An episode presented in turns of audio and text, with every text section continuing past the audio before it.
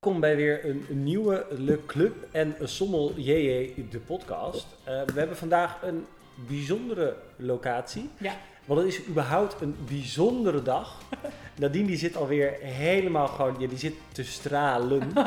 Het is, dat we, Zeker. het is dat we jullie niet door de microfoon hier uh, mee kunnen nemen, maar ze zit echt te glunderen. Mm. Daar gaan we zo meer over vertellen. Ja, het is heel spannend. Ja.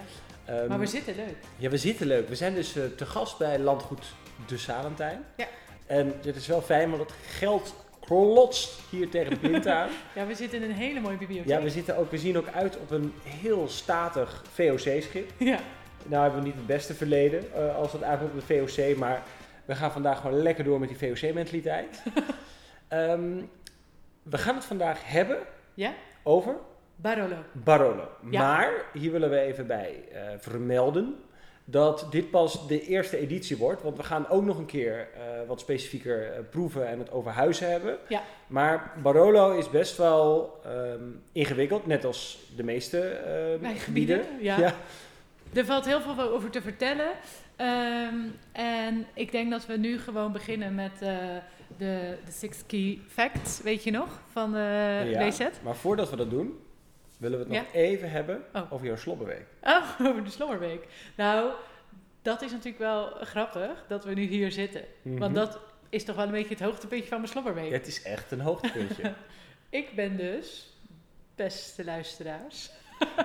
ik kan het zoals, zelf niet zoals, geloven. Zoals in de, um, in de, hoe heet het ook alweer, van Mark, Marie en Aaf, de andere podcast.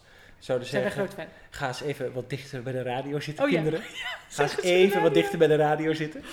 Ja, ik ben dus genomineerd voor Wijnvrouw van het Jaar. Woehoe! De derde nominatie. Ja, Nou. wijnvrouw van het jaar. Dat Kan is wel echt fantastisch. Ja, het is zo leuk. Ik werd eh, een paar weken geleden eh, werd ik gebeld door Barbara, die dus eh, het initiatief, ehm, of dit heeft bedacht. Samen met Clarissa van Miss Publicity werd ik gebeld. Ik was toen net aan het wijnproeven bij uh, Walsjerot in Rotterdam. En toen vertelde ze me dat. En toen dacht ik echt, huh? Wat?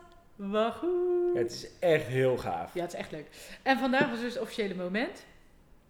Uh, dus met een uh, leuke foto voor uh, Wijngoed Salentijn. Of Ja. Landgoed Salentijn. Landgoed samen, ja.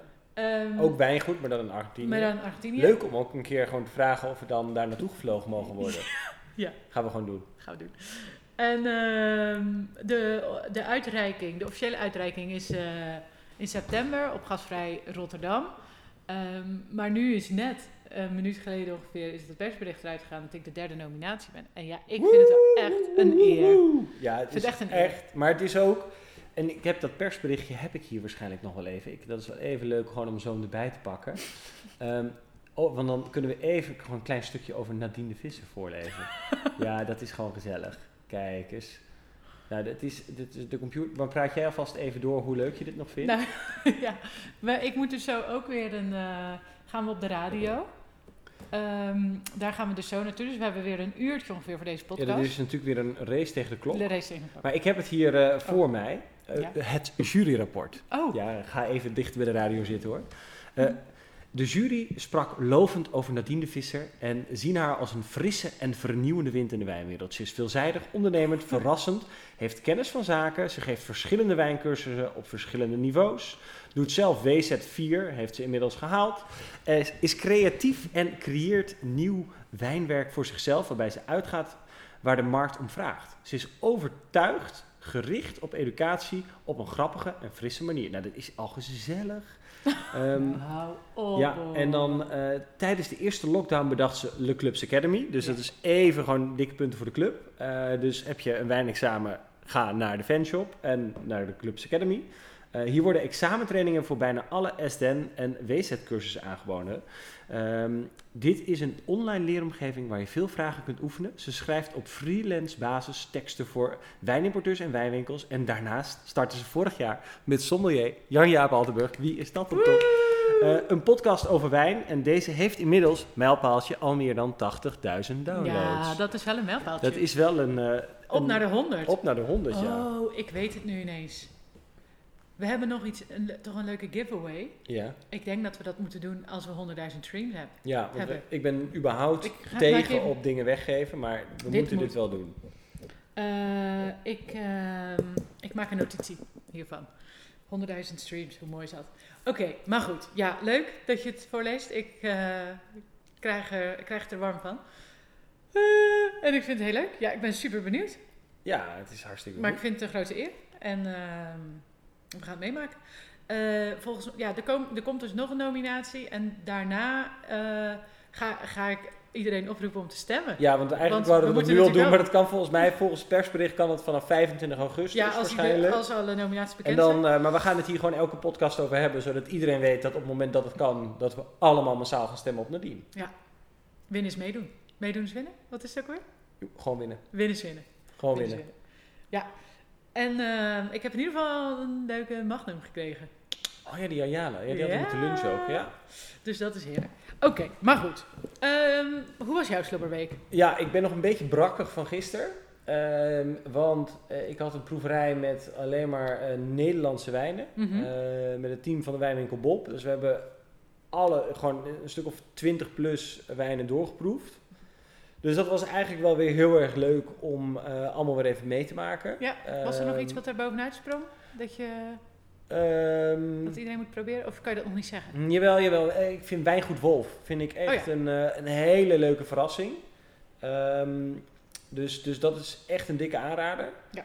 En ja, daar gaan jullie ook sowieso nog meer over horen. En ja, dat was eigenlijk wel... Ja, vorige week gewoon gewerkt. Hè. Je weet hoe het gaat. En eh, er waren wel weer... Ik had vorige week wel weer één leuke situatie.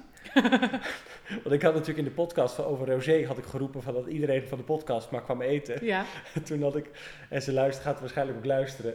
En eh, toen, zei ze, toen zei iemand van, dus ze gingen zitten. Ik zei, "Hoi, leuk dat jullie zijn. En ze zei, ik ben ook zo'n groepie. ook zo'n luisteraar. Oh en toen moest ik natuurlijk weer heel erg lachen. Eh, maar ze hebben volgens mij... eh, ze hebben eh, vol- volgens mij heel gezellig gehad. Dus Ja. eh, het, het was gewoon allemaal prima. Er is weer veel gedronken, veel geproefd. En het is helemaal goed. En eh, dat brengt ons verder. Wil jij een leuk... Ja. Dames en heren, Nadine heeft weer de knop gevonden. ja, ik was hem even kwijt, maar hij Nee, is er weer. Maar we moeten En, eigenlijk gewoon naar de tune, denk ik. Oh ja. Ja, we gaan even naar de tune. Oh, dit is, een, dit is heel natuurlijk.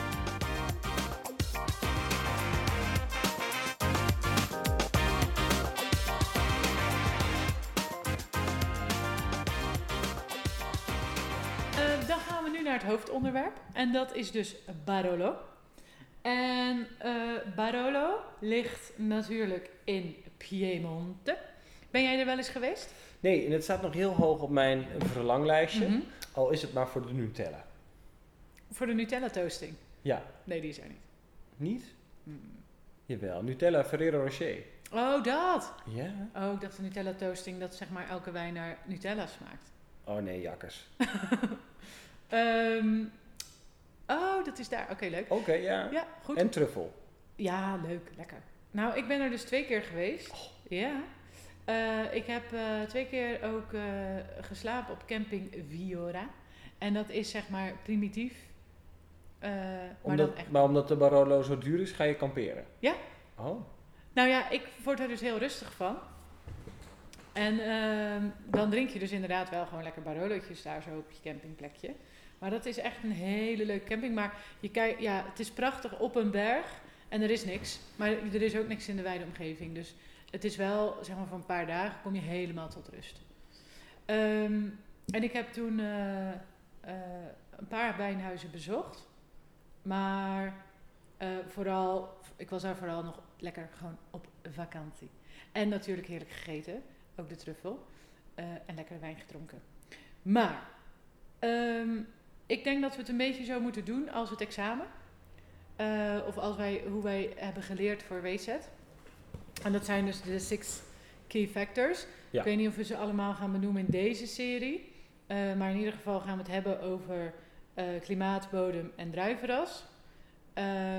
Want er is natuurlijk maar één druivenras wat hier eh, de lakens uitdeelt. Dat is Nebbiolo. Nebbiolo. Ehm, dus dat staat nu centraal. En ja. Dat, Zullen we dan eens even beginnen bij Nebbiolo? Ja. Want eh, Nebbiolo is natuurlijk de druif. Ja. En ehm, ja, ik gebruik dan altijd, dat hebben we ook heel vaak genoemd als naslagwerk, het boek van eh Os Clark. Ja. En ehm, daarin werd ook wel gezegd, of tenminste hij, hij schreef heel mooi inleidend over Nebbiolo van, ja, het is eh, zuur, hard, helemaal niet mijn ding. Totdat Oh. zeg maar op een gegeven moment die omslag kwam. En dan zeg maar, want ik had ook eerst nooit heel veel met Nebbiolo. Totdat ik zeg maar gewoon nog zuurder werd van karakter. En in één keer dacht van, maar het- je krijgt op een gegeven moment krijg je zo'n kentering. En dan denk je, wow, Ja. dit is echt geweldig. Ja. Want Nebbiolo heeft ehm, als druif gewoon niet zoveel kleur. Nee, Een van de kenmerken. ja, Maar heeft wel knijterveel tannine, al dan niet de meeste tannines, eh, in dat schilletje zitten. Ehm, en heeft ook fantastisch goede zuren. ja. Nou, en die kleur, nog even wel leuk om daar eh, aan toe te voegen, dat je natuurlijk eh, het soms... we- Weet je nog dat wij die eerste... eh, nee, dat was natuurlijk Sangiovese, maar die heeft ook vrij weinig kleur. Ja, maar mensen- wel iets meer dan Nebbiolo. Maar het komt wel een beetje in de richting van natuurlijk Pinot Noir. Ja. Maar toen met die slobberpost hadden ook wat mensen die dan, die dan toch dachten dat het Pinot Noir was. Maar het was dan Sangiovese. Maar ja, waar kan je dat aan herkennen dat die niet hetzelfde zijn? Natuurlijk aan die tannines en die zuren. Zuren. Want die zitten mega in Nebbiolo. En nou ja, weinig over het algemeen. eh, tot gemiddeld in Pinot Noir. Ja, ik, En nog de kleur, eh wilde ik even zeggen. Want het is meestal niet zo robijnrood, maar al een beetje, gebruind. gebruind. ja, granaatrood. Eh, dus daar kan je het ook natuurlijk al een klein beetje aan herkennen. Ja, en het allerbelangrijkste, en dat hebben we natuurlijk vaak genoemd, maar het is the art of deduction. Dus wegstrepen wat iets vooral niet kan zijn. En ik heb de laatste tijd best wel, er zijn natuurlijk wel wat luisteraars komen eten, dus dan doe ik altijd een gebbetje en dan doe ik natuurlijk iets blind in het glas. Nou, dat wordt op Eh, een duur ook, eh, als er zoveel mensen komen. Ja, dat, man, man, man, man, man. Je niks meer ik geef maar wat weg daarbij mee. Maar ehm, wat leuk is, is dat je merkt, hè, ik, heb wel, ik heb wel eens wat, eh, de laatste tijd best wel veel oude eh, Pinot gedaan. En dan dat mensen toch nog wel een beetje de neiging hebben om op Nebbiolo te gaan zitten. Terwijl ze vaak, en dat is ook iets wat ik heel erg wil meegeven, is dat heel vaak dan zeggen mensen, oh ja, maar ik dacht eigenlijk Pinot Noir, maar ik ben toch maar voor Nebbiolo gegaan. Maar dan is je eerste ingeving, eh, is dan gewoon goed. Ja. In dit geval hebben we het dan over Pinot Noir. Ehm, en daar moet je gewoon voor gaan. Want meestal is, ga je te veel nadenken en daar gaat het vaak mis. Want dan ja, maar het kan ook dit zijn, kan ook dit zijn. En Pinot Noir heeft gewoon niet de tanninestructuur en de zuren van Nebbiolo. Nebbiolo heeft dat drogende, heeft net dat iets, dat andere fruitkarakter. Ehm, en over het algemeen, vooral als we het hebben over Barolo, ook meer houtgebruik. Ehm, ja, meer houtgebruik dan Pinot Noir? Ja, denk ik wel. En langer. Nou ja, wel ophoud. langer, maar het en is dat is natuurlijk natuurlijk ook is een verschil tussen eh, kleine barriques en grote botties. Ja, en die botties, dat vind ik altijd, dat, dat zorgt er natuurlijk voor dat die wijn wat, wat zachter wordt. En dat alles wat meer geïntegreerd eh, raakt met elkaar. Ehm, en vind ik altijd wat meer dat cederachtige aroma geven. Terwijl natuurlijk de barriques meer het vanille Ja. eh, meegeven aan de wijn. En dat is een beetje volgens mij waar ze op terug zijn gekomen. Want dat was natuurlijk het hele verhaal met de modernisten en de, en de conservatieven in Barolo. Dat de conservatieven gewoon al jaren, jaren of ja, decennia lang eh, natuurlijk die grote botties gebruiken. eh, Om de wijnen te rijpen, maar dat er dus ja, nieuwe eh, generaties aan het roer kwamen. Die dachten van nou, wij hebben nog eens even daar zo in Bourgogne gekeken en die doen het anders. Misschien moeten we daar eh, ook eens wat mee doen. Met Ja. die barriques. Eh, maar volgens mij zijn ze er wel een klein beetje op teruggekomen. Dat ze nu ehm, dat, dat dat echt een nieuwe hout veel te heftig is voor de delicate Nebbiolo. Ja, maar dat drukt ook gewoon dat rozenblaadjes, dat rozenbottel, eh, dat fruit weg. En dan Ja. krijg je gewoon weer dikke lik vanille. Mhm. En dat is een beetje zonde. Dat is zonde. De volgende podcast gaan we daar nog wel wat uitgebreider op in. Eh, over, die modernisten en Mhm. eh, conservatieven in de Barolo. Wat overigens ook leuk is, is Som, die documentaire, of eh, film is het eigenlijk, over Master of Sommelier. Maar in het tweede deel van Som Into the Bottle gaan ze naar de Barolo-streek. En zie je ook waar, zeg maar, zo, zo'n familie de oude botties vermorzelde om dus barriques neer te zetten. Ja. En dat dat dan weer een, hele, een heel drama was. Dus dat is leuk. Maar daar gaan we het volgende keer over hebben. Eh, nog even terug naar eh, Nebbiolo en ehm, eigenlijk de gelijkenissen met Pinot Noir. Want dat zie je heel goed in de wijngaard. Eh, Nebbiolo is ook enorm gevoelig voor Mhm. alles, ongeveer. Ja, want op een gegeven moment ehm, had je begin jaren 2000 en toen dachten ze, oh, we kunnen ons geluk niet op. Dus toen zijn ze Nebbiolo ook gaan aanplanten op de wat hogere stukken, Oh ja, ehm, die je normaal eigenlijk niet zou doen. En dat was toch uiteindelijk, het is Nebbiolo had daar dan weer te veel last van de kou, te veel last van de wind. Het is super gevoelig. Ehm, dus daar zijn ze ook weer van op teruggekomen, eh, om- omdat het gewoon niet het, het juiste resultaat had. Het is een hele. Er is eigenlijk ook een, een, een reden dat Nebbiolo praktisch gezien alleen maar voorkomt in Piemonte. ja. Ehm, Al heb jij ze ook ergens anders Ja. geproefd? ja, ja, nee, nou ja, ik had toevallig, want ik zat in het boek te kijken. ehm, en ik heb de twee uit Zuid-Afrika allebei mogen proeven. En er is een derde, en die, die, die staat niet in het boek, maar eh, Iona heeft Oh ja. Nebbiolo. Die heb ik daar destijds uit het vat geproefd. Ja. Ik was natuurlijk weer benieuwd Natuurlijk. eh, wat het was. En Steenberg heb ik ook ooit op de kaart gehad. Dat is Constantia. Mhm. Ehm, maar dan denk ik niet, eh, wel een beetje landinwaarts. Want Constantia is het als, alsof de föhn gewoon de hele dag aanstaat qua wind. Ja. Eh, en dan hebben we ook nog de Morgenster. Oh ja. En dat is een beetje meer landinwaarts. Fantastisch mooie plek. En die heb ik ook geproefd. En het waren echt ehm goede voorbeelden. Alleen dat zijn maar drie producenten. En dan verder zie je nog een, een, een klein kladje in Australië. Eh, maar om het weer even, en dat vind ik dan wel leuk, in cijfers uit te drukken. Eh, Italië heeft een aanplant van 11.000 hectare in totaal, waarvan 9.000 Piemonte. Ja. Eh, het, zeg maar, het land wat daarna volgt is Australië. Oh ja. Ehm, en dan met 122 hectare.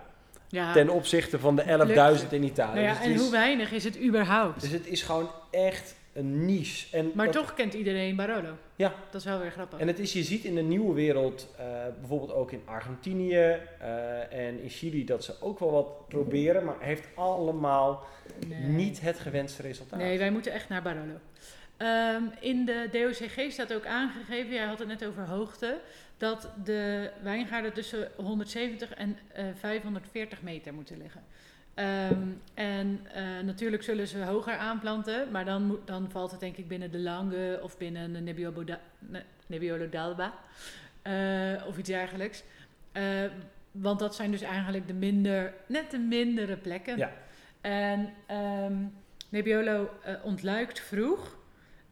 Dus ja, als je het te hoog zet of te laag, dan is het denk ik te gevoelig voor voorjaarsvorst. Dat is het grote risico eh, in dat geval. Want ja, als de knoppen al beginnen te komen en er gaat vorst overheen, dat zagen we natuurlijk heel goed in Frankrijk dit jaar. Ja, dan, Heel gaat je, dan gaan je knoppen naar de knoppen. En je wil niet naar de knoppen. je wil niet naar de knoppen. Dus dat is een punt. En, En nog wel even belangrijk, als de, als de knoppen dus naar de knoppen gaan, ja, dan komen daar nog wel nieuwe uitlopers voor terug, maar dat zijn er minder. En het Mhm. fruit, wat je daar over het algemeen van krijgt, wordt ook als minder ervaren. Dus ja, Ja. het- je kan daarna nog wel wijn maken, alleen is het natuurlijk nog minder in volume en ook de kwaliteit is over het algemeen wat minder. ook minder. Ja. Even een klein beetje. Ja. Weet je? Weet je. Ehm, dus het, eh, het ontluikt vroeg en het rijpt laat. Ja. En dat vind ik ook altijd wel interessant, want je denkt misschien Italië, oh ja, lekker warm. Dat is het natuurlijk ook wel. Ehm, het is een continentaal klimaat. Warm klimaat ligt natuurlijk dicht bij de Alpen, waar verkoeling nog vanaf komt. Ja. Ehm, maar eh, de zomers zijn lang en gaan ook lang door nog in de herfst. En eh, Nebbiolo ja, heeft dus ook al die tijd nodig. Ze oogsten tussen 25 september en 25 oktober is de regel. Meestal wel eh, in oktober. En dat vind ja, ik weet niet, daar moet ik altijd wel even over nadenken. Dat dat dan, dat, dat die eh, echt die tijd nodig heeft om dus fenolisch rijp te worden.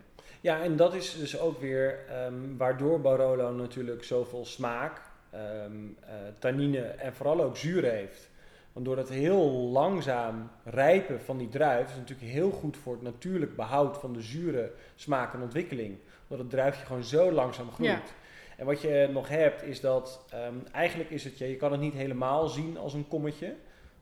Maar ehm, Piemonte wordt ook door een soort van natuurlijke afbakening door hoogte Mhm. beschermd tegen invloed vanuit eh, de zee. Dus je hebt de verkoeling Oh ja. vanuit de Alpen, maar niet zeg maar de wind van eh, de Mid- ja, Middellandse Zee, welke, welke kant je ook wil pakken. Ja, Maar da- daar heb je dus ook geen last van, omdat alles boven de 400 meter houdt dat tegen, die Ja. lucht. En dat zorgt er ook voor dat die warme lucht in ieder geval, eh, dat je eerder de verkoelende lucht vanuit de Alpen hebt, niet die warme lucht van de zee of van landinwaarts. Mhm. En dat draagt dus ook bij aan dat extreem lange, langzame groeiseizoen. ja. Nou, en wat ook nog eens belangrijk is, ehm, is dat dus Nebbiolo enorm productief is. Die, die eh, als, je, als je daar niks doet als wijnmaker, dan krijg je miljoen takjes, blaadjes, dingen die je niet wil. Dus je moet ook nog eens enorm veel werk verrichten om hem, om hem zeg maar, binnen de perken te houden. Wil je kwaliteitswijn maken in de wijngaard. Ja. Dus dat heb je dan ook nog. En dan moet je nog het moment uitkiezen om te oogsten. Omdat je dus op een gegeven moment eh, komt de mist in de wijngaard in de herfst. En dan is het Nebia? de Nebia. Ja, wel goed. Daar komt dus waarschijnlijk de naam Nebbiolo vandaan. En dan, maar dat is misschien ook een leuke vraag voor een van de luisteraars. Van, is het dan juist, is dat juist nog goed dat die mist er is? Zodat die eh, druif zeg maar blijft rijpen? Of eh, niet, zo, niet intens meer rijpt, maar wel nog blijft eh, ontwikkelen, smaakontwikkeling krijgt? Of is het zo dat als die mist er eenmaal is, dat, dan, dat dat een soort teken is van nou, nu moeten we wel gaan oogsten? Dat weet ik eigenlijk niet. Hmm. Weet jij? nou, logische redenatie zou zijn dat eh, als jij mist hebt, wat, eh, waar zorgt mist voor? Ko- Verkoeling toch ook een beetje? Ja, en, en maar dauw, en rot. Ja, en rot. Dus Ja. mist lijkt mij niet logischerwijs eh, een positieve ontwikkeling. nee, maar, maar je hebt natuurlijk ook mist die een beetje de felheid van de zon blokkeert. Ja, ja, maar voor een druif die alle zon nodig heeft. Ja, nou dat is leuk. Laten we dit als discussiepunt openen. Ja, maar laten we deze Doe, even open. doe. Wil jij even op de knop drukken dan? Dan gaan we even het vraaguurtje. Dus, wij willen weten van jullie, eh, hoe zit het nou met die mist? Is het goed voor de druif? Is het slecht voor de druif? Ja. Laat het ons weten. Mail ons op podcast.leclubdever. Stuur ons een DM op de Insta. Ja, we en, doen ook even een postje op en we doen ook even een postje waarin we dit ook gewoon vragen. En dan want kan iedereen reageren die het Ja. weet. Nou, hartstikke leuk. dit wil je niet mist. Een... Zo slecht. Maar goed. Oké, nou dan hebben we dus die Nebbiolo wel eh, gehad. Dat is dus ja, de belangrijkste ehm, speler. Ehm, maar waar staat hij op? We hebben een lappendeken aan wijngaarden. Ja, Eh, dat heeft te maken met allerlei plaatverschuivingen die hier eh, hebben plaatsgevonden. En die hebben gezorgd voor ja, een enorm divers, eh, diverse bodemsoorten. Ehm, en nu is het zo dat er meestal gepraat wordt over een soort van tweedeling. Maar dat, dat, is, dat doet het gebied eigenlijk tekort. Want er zijn echt nog veel meer ehm, bodemsoorten. En nou ja, net als eigenlijk eh, in Bourgogne eh, is elke, elk perceeltje is weer anders. En doet dus ook weer wat in combinatie met die lokale weersomstandigheden met de druif. Omdat Nebbiolo daar gewoon enorm gevoelig voor is.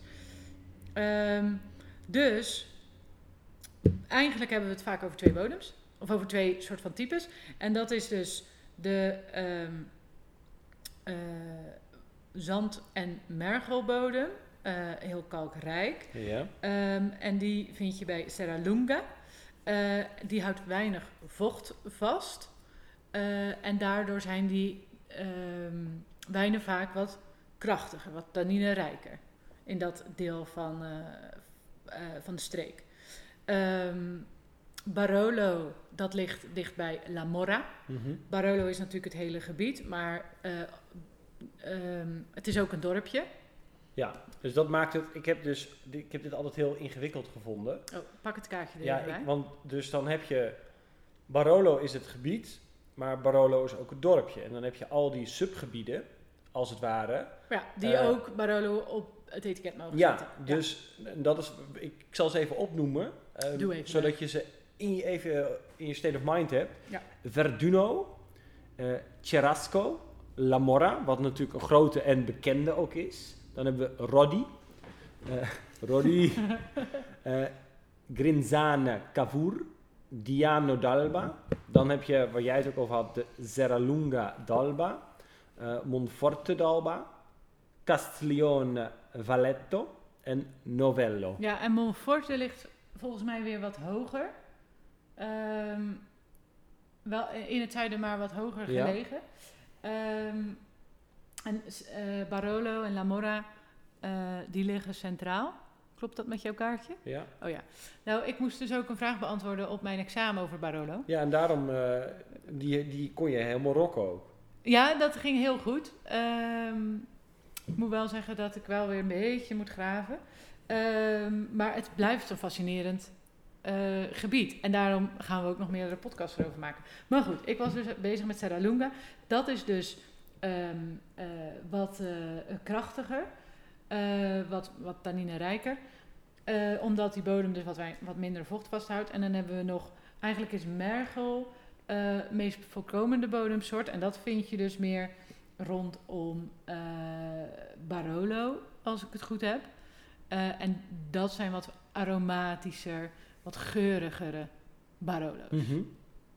In een notendop. In de notendop. Maar wij gaan dus deze theorie, die eh, je ook gewoon in je boek kan vinden, testen in de volgende podcast als we gaan proeven. Ja, want, Want dan moeten we echt even goed kijken naar al die subzones. En dan gaan we kijken of we dat eruit kunnen halen. dus dan, en ook even de, de invloed van terroir, dus op de daadwerkelijke wijn. En dat is altijd wel een hele gave ontwikkeling. Ehm, wat ik ook nog wel even wil vermelden, is dat je, we, we weten natuurlijk eh, Barolo, Nebbiolo. Geheugensteuntje is ook altijd dat het lekker op elkaar rijmt. Dus Barolo, Nebbiolo, dat bekt ook lekker. Dus dan kan je dat in ieder geval niet vergeten. Maar je hebt dus 40 verschillende Nebbiolo-klonen. Oh, nou goed. Dat is best veel. Ja, dus van één en dezelfde druif hebben we dus allemaal verschillende klonen nog. En om even eh, dat uit te wijden, we hebben Lampia, Michette en Rosé. Letterlijk ro- zoals je Rosé schrijft. En het grappige is dus dat die, bijvoorbeeld die Rosé-kloon, ehm, je ziet vaak dat producenten in ieder geval niet eh, hun eh, geld inzetten op één en dezelfde druif. Of één en dezelfde kloon, maar verschillende klonen ja. omdat bijvoorbeeld die rosé-kloon, die heet dus ook rosé, omdat hij weer wat minder kleur heeft. Oh ja. En zo zijn er allemaal van die dingen die dus hieraan eh bijdragen. Dus compactere trossen, grotere trossen, noem het allemaal maar op. Ehm, en dus de conclusie is een beetje dat er dus ook wordt gewerkt met verschillende klonen. Eh, net zoals we ook onder andere met Pinot Noir zien in de Bourgogne. ehm, om toch voor een bepaalde diversiteit te zorgen. Mhm. Eh, alleen is het ook weer zoiets. eh, we denken wel dat we Nebbiolo hebben. Alleen wat we dan weer vergeten, en dat is het ge- geldt voor champagne en heel veel andere wijngebieden, is dat er ook heel veel dezelfde, maar net even andere van zijn. Om het nog ingewikkelder te maken. Oh. Nou, maar genoeg over de klonen. Ja. Ehm, dit is gewoon, eh, dat, is, dat is gewoon leuk. Maar wat ik wel even interessant vind om nog even te benoemen, of eh, gewoon even uit te leggen. Hoe wordt Barolo gemaakt? Ja. Gewoon even in Jip en Janneke. Nou, het begint natuurlijk met het plukken. Eh, misschien dat de mist dan een teken was om te gaan plukken. Ja, we weten het nog steeds niet. Ehm, maar het begint met het plukken. Nou, dan hebben we de alcoholische vergisting. Plukken met de hand. Plukken met de hand. Ehm, en dan die vergisting, dat is interessant. Want dat kan in roestvrij staal. Dat kan in cement. Maar dat kan ook in hout. Ja. En alle drie de types dragen ook weer bij aan een andere smaakontwikkeling. RVS is clean. Ja. Eh, cement doet net iets meer, omdat het wel eh minieme hoeveelheden lucht toelaat. Ehm, over het algemeen is cement eigenlijk wel eh, heel gaaf, moet ik zeggen. Proef je ook wel terug. En dan hebben we natuurlijk nog hout, wat natuurlijk meteen al een extra smaakdimensie meegeeft. En ook nog meer, maar misschien ook weer kan ingezet worden om die tannines, als je al een hele lange schilminwerking hebt, eh, bijvoorbeeld uit te balanceren. Nou, dan bij ehm, Nebbiolo en Barolo is natuurlijk die inwerking met de schillen heel erg belangrijk. En dat is ook waar we dus ook weer komen op de nieuwe en de oude stroming. Mhm. De oude eh, Barolo oude stempel, die deed dat erg lang. Dus die konden dat ook bijvoorbeeld nou, tot 30, 35 dagen doen. Ja, en wat gebeurt er door schilweking? Eh, heel, heel veel concentratie. Ja, en ook natuurlijk tannines en... eh, Kleur, geur en smaak. ja. Dus je krijgt heel veel mee. En als je dat dus, eh, die oude producenten bijvoorbeeld 35 dagen deden, dan heb je dus ook echt wel ehm, een tijdje nodig ja, om dat op dronk te om krijgen. dat op dronk te krijgen. Ja. Dus dat is ook wel waarom Barolo altijd, altijd wel wordt gezegd dat dat ook wat langer moet ouderen. Vooral die Ja. Barolo oude stempel, die moest je vroeger, dat is tegenwoordig wel iets anders, maar vroeger moest je dat echt gewoon, je kon het wel kopen, maar dan moest je het ook weer verstoppen. Ja, Gewoon wegleggen. nou ja, maar ik denk nog steeds is het denk ik beter als je, als je gewoon vijf of acht jaar wacht. Vijf tot tien. Ja, het is wel het meest interessant. Maar die, Ja. dat, dat geduld hebben we niet meer. Nee. Dus wordt het tegenwoordig niet gedaan. Dus hebben we ook een, op een gegeven moment een nieuwe stroming gekregen. Ja. Eh, en die doen het wat minder lang over het algemeen ook. Eh, en dat betekent dus ook dat... En ook het houtgebruik is afgezwakt. Waardoor eh, Barolo 216, wat nu inmiddels gangbaar is... eh, best al mooi op dronk kan zijn. Afhankelijk natuurlijk ook wel weer van de producent. En dat is weer met alles in het leven zo. Je moet natuurlijk wel weer weten welke producent weer wat doet. Want als jij eentje uit 2016 hebt van een producent oude stempel, nou, succes. Ja, ja dat is Dat is hard werken. Ja. Nou, dan hebben En we... het is natuurlijk een mega verschil met, een, met de nieuwe garde die dan waarschijnlijk ook in RVS eh, de alcoholische vergisting doet. En dan is het natuurlijk al veel eh, eh, fruitiger. Ja, en dat is ook hoe het nu al wat meer wordt gemaakt. En Ja. wat ook wel een hele aangename stijl is, moet ik persoonlijk zeggen. Nou, je, je kan dus eh, natuurlijk voor nieuw of voor oud hout gaan. Ja. Nou, bij nieuw hout geeft natuurlijk weer zo'n lekkere lik vanille. Ehm, en gebruikt hout eh, heeft wel zeg maar, het langzaam werkende oxidatieve karakter. Ja. Zodat er hele kleine hoeveelheden lucht bij komen. Alleen omdat het al een keer gebruikt is, is de invloed van het hout wordt eigenlijk steeds minder naarmate je het vat langer gebruikt. Maar het doet wel iets met de wijn. Mhm. Eh, en dan heb je natuurlijk ook nog eh, het formaat van de vaten. Dus Ja. we hebben de kleine Bourgogne vaten, maar we hebben ook de botti. De botties. De botties. En die zijn over het algemeen, eh, omdat het ook een buurland is, vaak van Sloveens hout. Nou, Slavonisch, hè? Slavonisch. En dat is een bos boven Kroatië. Wist je dat? Nee? Ja, Slavonisch. Ehm, Klinkt, ook, klinkt wel weer als slavendrijven, jij. ze, is weer, ze is weer Slavonisch aan het doen. Slavonisch. Ehm, ja, het is wel interessant, vind ik. Eh, ik ben ook heel benieuwd naar eh, de, ja, als we gaan proeven. En of wij die verschillen er dan ook een beetje uithalen. Wat ik ook nog wel leuk vind, is dat eh, je natuurlijk nooit verwacht dat iemand in Piemonte met hele trossen vergist. Right? Doet wel iemand. Dat wil ik toch even zeggen. Parusso. Ken je die? Nee. Marco Parusso. Ehm, die heeft, ik had daar een keer een Lange van, dus niet een Barolo, maar een Lange. Ehm, en hij heeft dus in ieder geval in 2017, maar wellicht ook vaker, heeft hij dus ehm, eh, ja, deels hele trossen gebruikt. Ja, ik heb daar een, een, een eh, artikeltje over geschreven op de site. En het is eh, wel ja, bijzonder. Ehm, dat kan natuurlijk alleen maar in warme jaren, dat die tannines ook echt rijp zijn. Ja. En je, ehm, het is niet zozeer dat je dan echt dat hij nog tannineuzer wordt. Ehm, maar het krijgt, ja, het krijgt meer, meer smaak, extractie. En eh, hij eh, heeft daar dus wel voor gekozen. Ik vond dat, ja, dat verwacht je niet bij Nebbiolo. Nee. Maar het wordt er wel. eh, wordt Nou, en wat ik ook nog ehm, had gevonden, of had, had gelezen, is dat de temperatuur bij de vergisting ook heel belangrijk is. Dus dat soms ook vroeger ook wel die eh, temperatuur van die vergisting nogal warm was. Oh ja, Hè, bijvoorbeeld soms 36 graden. En dat je daardoor juist nog meer extractie kreeg, Ja. wat het nog heftiger maakt. En dat dus die nieuwe stroming ook iets wat koeler is gaan vergissen. 30, 28 graden. Dan denk je, wat maakt die temperatuur uit? Maar daardoor heb je, dat is wel van invloed op de extractie. Hoe warmer het wordt, hoe meer extractie je ook krijgt. Mhm. Ehm, dus dat is ook nog een dingetje wat meespeelt. Nou, Nou, denk maar aan eh, een theezakje. Ja. in warm water. Hoe langer je het laat trekken, en nou, hoe en hoe, het water, ja, hoe warmer het water. Als je het in koud water doet, dan eh, het is weer zo'n makkelijk voorbeeldje. oh, Het is gewoon, ze haalt ze gewoon weer die theezak erbij. de theezak. De theezak. Ik heb het idee dat ik dit vaker heb gezegd hoor. Nee, maar- dit is eigenlijk toch pas Oh. de eerste keer. We hebben wel gehad over theezakken met houtsnippers, maar dat is meer eh, voor de, de boevenpodcast. Eh en dan uiteindelijk hebben we nog het houtgebruik. Ehm, wat, eh, wat ja, tot en met 36 maanden zie ik hier staan. Ik zie zelfs een producent. Nou, je moet sowieso ook, eh, het mag pas na drie jaar verkocht worden of zo, Ja. eh, 38 maanden zoiets.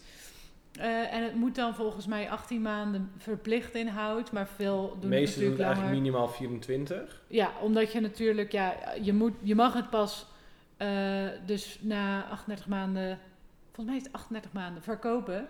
Ehm, en ehm, ja, het is natuurlijk makkelijker om het in hout te laten dan, dan dat je al die flessen ergens kwijt moet in je opslag. Ja, dat is veel voordelig. Dus, maar, ehm, nou, dit is, ja, het is een korte podcast.